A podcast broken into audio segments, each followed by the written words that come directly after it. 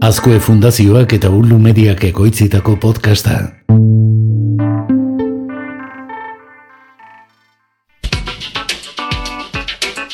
Hezkuntza teknologikoko txosten garrantzitsuenek, Garner, Horizon, azken urteetan adimen artifiziala aipatzen dute joera nagusienen artean. Eta ez teorian bakarrik, praktikan ere, pixkanaka izan arren, helburu ezberdinekin adimen artifiziala gero eta gehiago erabiltzen hasi da. Adibidez, liburu analogiko baten testua digitalizatzeko erabiltzen da, edo testuak ahots edo bideo bihurtzeko, eta areago joan da hortxe dugu adimen artifizialaren erabilera kameretan ikasleen egoera emozionala antze bateko adibidez.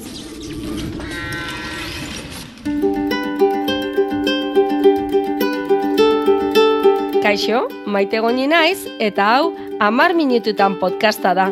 Amar minututan, maite gonirekin.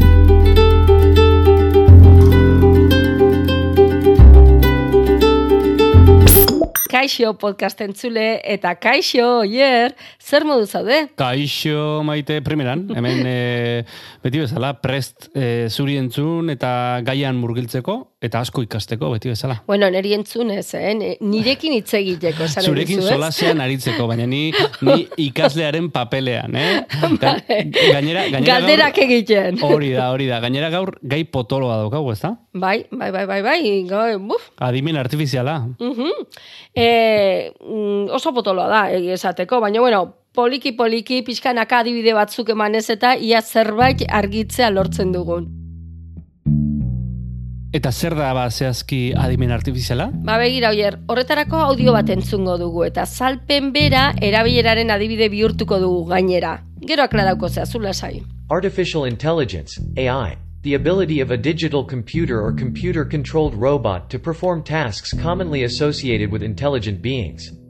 The term is frequently applied to the project of developing systems endowed with the intellectual processes characteristic of humans, such as the ability to reason, discover meaning, generalize, or learn from past experience. Uste dut dana ulertu dudala, baina ez nago oso ziur, eh? Itxoin ba, ea oraingoan.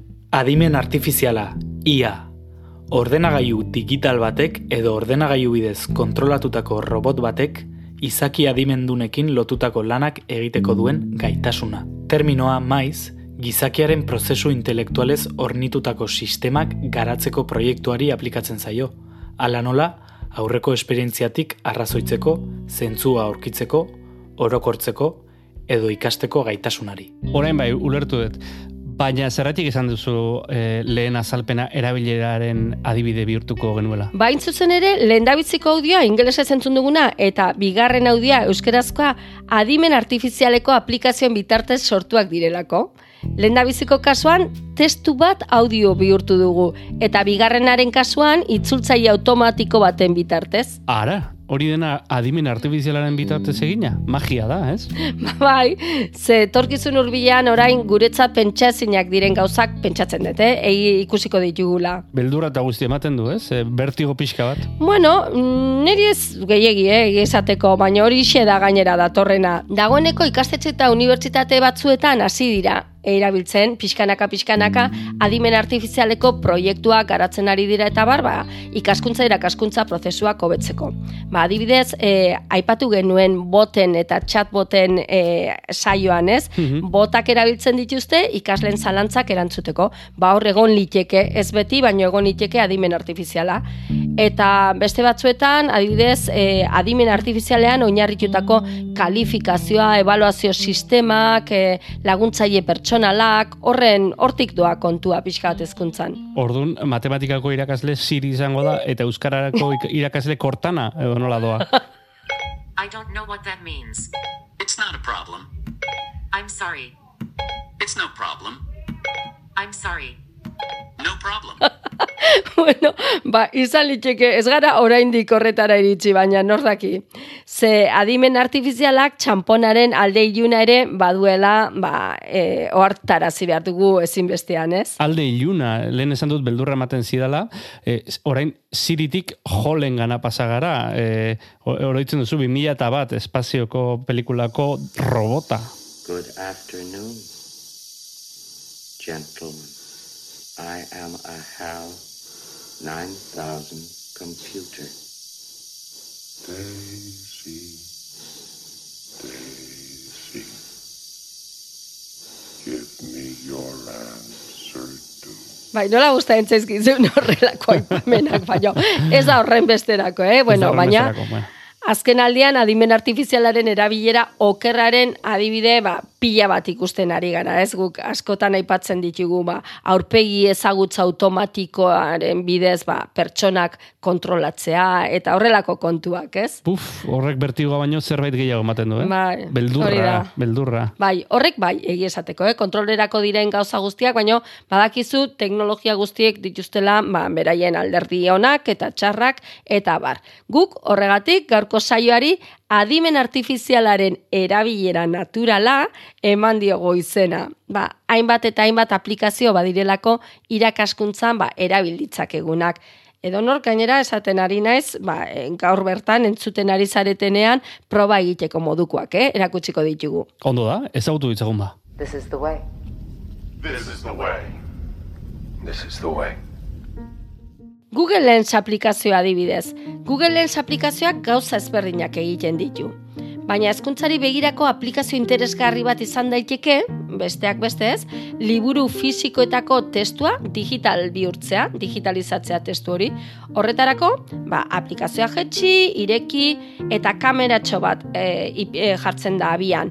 Liburu bat enfokatuko genuke, liburu fisikoa, eta dauden aukeretatik testua aukera hautatu eta gero argazkia aterako genioke testu horri eta ikusiko dugu azpimarratu egiten dela, ez? Ba, dena eh, nahi duguna digitalizatu azpimarratuko genuke edo mm, hautatu eta zuzenean testu hori geratzen zaigu eh, kopiatuta. Gero guk itxasteko ba, nahi dugun dokumentuan. Ordu hau oso errisa da. Beste bat da, Socratic Math. Bai, e, hau formulak, ekuazioak, matematikako irakaslentzat eta barrez, e, jeitsita aplikazio hau, ekuazio formula horietako bat idatzi, eta adimen artifizialak erantzun posibleak ematen dizkigu, ba, gidak, e, horrekin lotura duen informazio mordo bat, ba, hori, ba, formula eta ekuazio inguruen, matematikaren inguruan, ba, nahiko ezaguna dan aplikazio hau ere, ba, interesgarri izan iteke probatzea. Ni nahiko nuke hori izan eh, nire matematikako es- esaminetan. Eh, ja, be- berandu da niretzat. Bai, berandu da biontzat. Baina egia esateko e, ez da bakarrik ematen dizula erantzuna, baizik baita ematen dizu nola iritsi erantzun horretara, eta laguntza, eta nik ere eskertu izango nituen, eh, horrelakoak egia esateko. Bueno, beste bat, ez eguzu beste bat. Bueno, ba hau interesgarria, Beautiful AI. AI hori da eh, Artificial Intelligence, eh, adimen artifiziala. Eh, probatzeko esango nizueke hau. Beautiful AI honek egiten duena da aurkezpen bat, ba, aurkezpen bat eh, diapositibekin eta bar. Orduan galderak egiten dizkizu eta gomendioak ematen dua zuk erantzunala, eh, ba, hau ipini, beste hori ipini, hau da, aurkezpena iaia berak egiten dizu, Ara, ba, ara. zer nahi duzu jarri eta ez dakit zer, eta nik saltxatzeko daukat, eh, geixiago, baino Hmm. ikusten dut, ezagutu nuenean, e, ba, oso interesgarria izan litekela, ba, aurkezpenak beste modu batera egiteko, ez, e, diapositiba horiek. Gainera, txantilloi mordo bat dituzte ordunzuk, txantilloi bat hautatzen duzu, eta txantilloi horretatik adimen artifizial horren bitartez, ba, eraikitzen zoatz e, aurkezpen hori. Oso interesgarria. Gu podcasten mundukoa garena, eh, eh, badago beste bat, ere, eh, kompetentzia egiten diguna. Bai, bueno, e, izenak bai behintzat, eh? Podcastel, podcastle idatzita ai, eh? Bai, denek dute hor ai amaieran. Eta hau berriz da, e, Chrome nabigatzailerentzako e, luzapen bat, edapen oitako bat. Eta e, probak egiten ibili nintzen, e, eta oso interesgarria, ez? E, dozein e, edozein testu, webean dagoena eta bar, podcast bihurtzen du. Eta machine learningaren bidez, hau da, auto, bueno, ikaste, ikasketa automatiko baten bidez, ahotsari gizaki ukitu bat emateko gai da. Orduan, ez da oso artifiziala geratzen, eh? badakizu hasierako eh, ahoskatze horiek nahiko artifiziala geratzen zirela, makinak izango balia bezala, eta orain pixkanaka pixkanaka, ba naturalagoak dira ahoskera horiek. Orduan, norbaiten nahi balin badu probatu, podcastel AI eta Chrome nabigatzailean jarri beharko luke ba proba egiteko, ez? Tira, zerrenda oso handia, luzea geratzen zaigu, baina azken baterako tartea badaukagu. Bai, bitxikeri batzuk ere bai, ez? E, hola, bitxikeri pare bat bentsat, autodro izan liteke bat, ez? E, autodrau, drau hori ingelesezko marraztu. Weberako aplikazio bada, nahi bali bazu zabaldu dezakezu oier hitz egiten ari garen bitartean. Oso ondo. Eta zer egiten du honek? Ba, bueno, e, ni oso oso txarra naiz marrazteko, baina oso txarra. Eta orduan, ba, e, aurpegi bat nahi balin badut edo pertsona bat, ba, egin dezake xaguarekin ba, begiak eta ipini, eta sudur pixka bat edo zerbait, eta beak atzematen dut zer ari nahi zen marrazen edo zer nahi dudana, eta ematen dizkit aukera mordo, mordo, mordo, mordo bat, ba, e, horren ingurukoak edo antza dutenak, eta orduan nik hautatu, eta ja berak marrazten du, ez daukandik marraztu beharrik. Orduan oso interesgarria da, zegero partekatu dezaket jendearekin marrazki hori, edo gorde, ba, beste lan batean, edo aurkezpen batean erabiltzeko. Ze, bai? erra, probatzen nabil eta oso ondo funtzionatzen du. Bai, bai, bai. Eta gero daukezu beste bat ere, hola, e, e, bere ala dida batean probatzen diren hoiek, e, bitxikeria bat, ez? Flim.ai. E, flimai horrek egiten duna da, e, be, filmaren barruan topatzen dizu, ba, estenak zerbaitekin. Adibidez nahi duzu, ba, e, kotxe bat azaltzen diren estenak pelikulenak. Eta ordun jartzen duzu hori edo urdin kolorea nagusitzen den estenak eta horrelako gauzak. Ordun da bilaketa aditu bat baita ba, nahi bali badugu lan konkretu baterako edo ikaslekin erabiltzeko ba, filmen inguruan ez? Eta azken azkena ja ba, beste bat badago play phrase me hau oso interesgarria e, begira zer egiten duen film ezber, bueno, daude filmak, milioika film daude datu basean, eta zuk esaldi bat e, ipintzen duzu, eta saltzen da, esaldi hori atera den film guztietan. Orduan, doaineko, bai, oso oso, oso ona da, eh?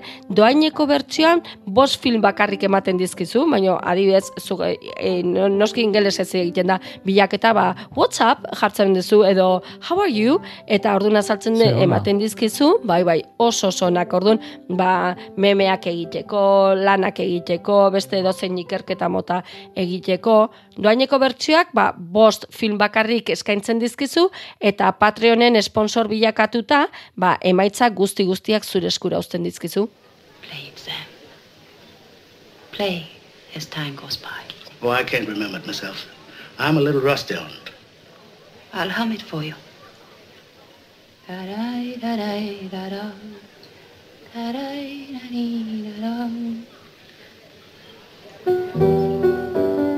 Hau, abesti oso polita da, ez da? Casablanca. Bai, oso hori da, baina badakizu zalantzarik baldin baduzu, aplikazio bat duzu hori ere galdetzeko, ez da? Ze, ze abestidan. Hori eh, gustatu zait, bai. Beste aplikazio batek beldur gehiago ematen dit ordea. Bai, e, zintzan? Podcastel. Podcastel horrek Ah. eh, lanak kendu behar digu. bueno, eh, eh, Ez. testuak irakurriko ditu, baina editatu ez, eh? Hori da, hauek dena gainera irakaskuntza eta ikaskuntza prozesuetan laguntzeko baliabideak aipatzen ari gara, ez? Baina egia esateko gure podcast hauek ez dituzte beraiek egingo makinatxo hauek, oraingoz behintzat. Bueno, eh, ez gaituzte ordezkatuko, ez da? Bueno, zu ordezkatu ezina zara hori. bueno, lore modura hartuko, eh? Lore modura. Hombre, ho- hori xezan. bueno, eh, bukatzen goaz beraz, eh, gogoratuko dugu beti bezala amar minututan podcasta audio plataforma guztietan topatu dezakezu entzulen.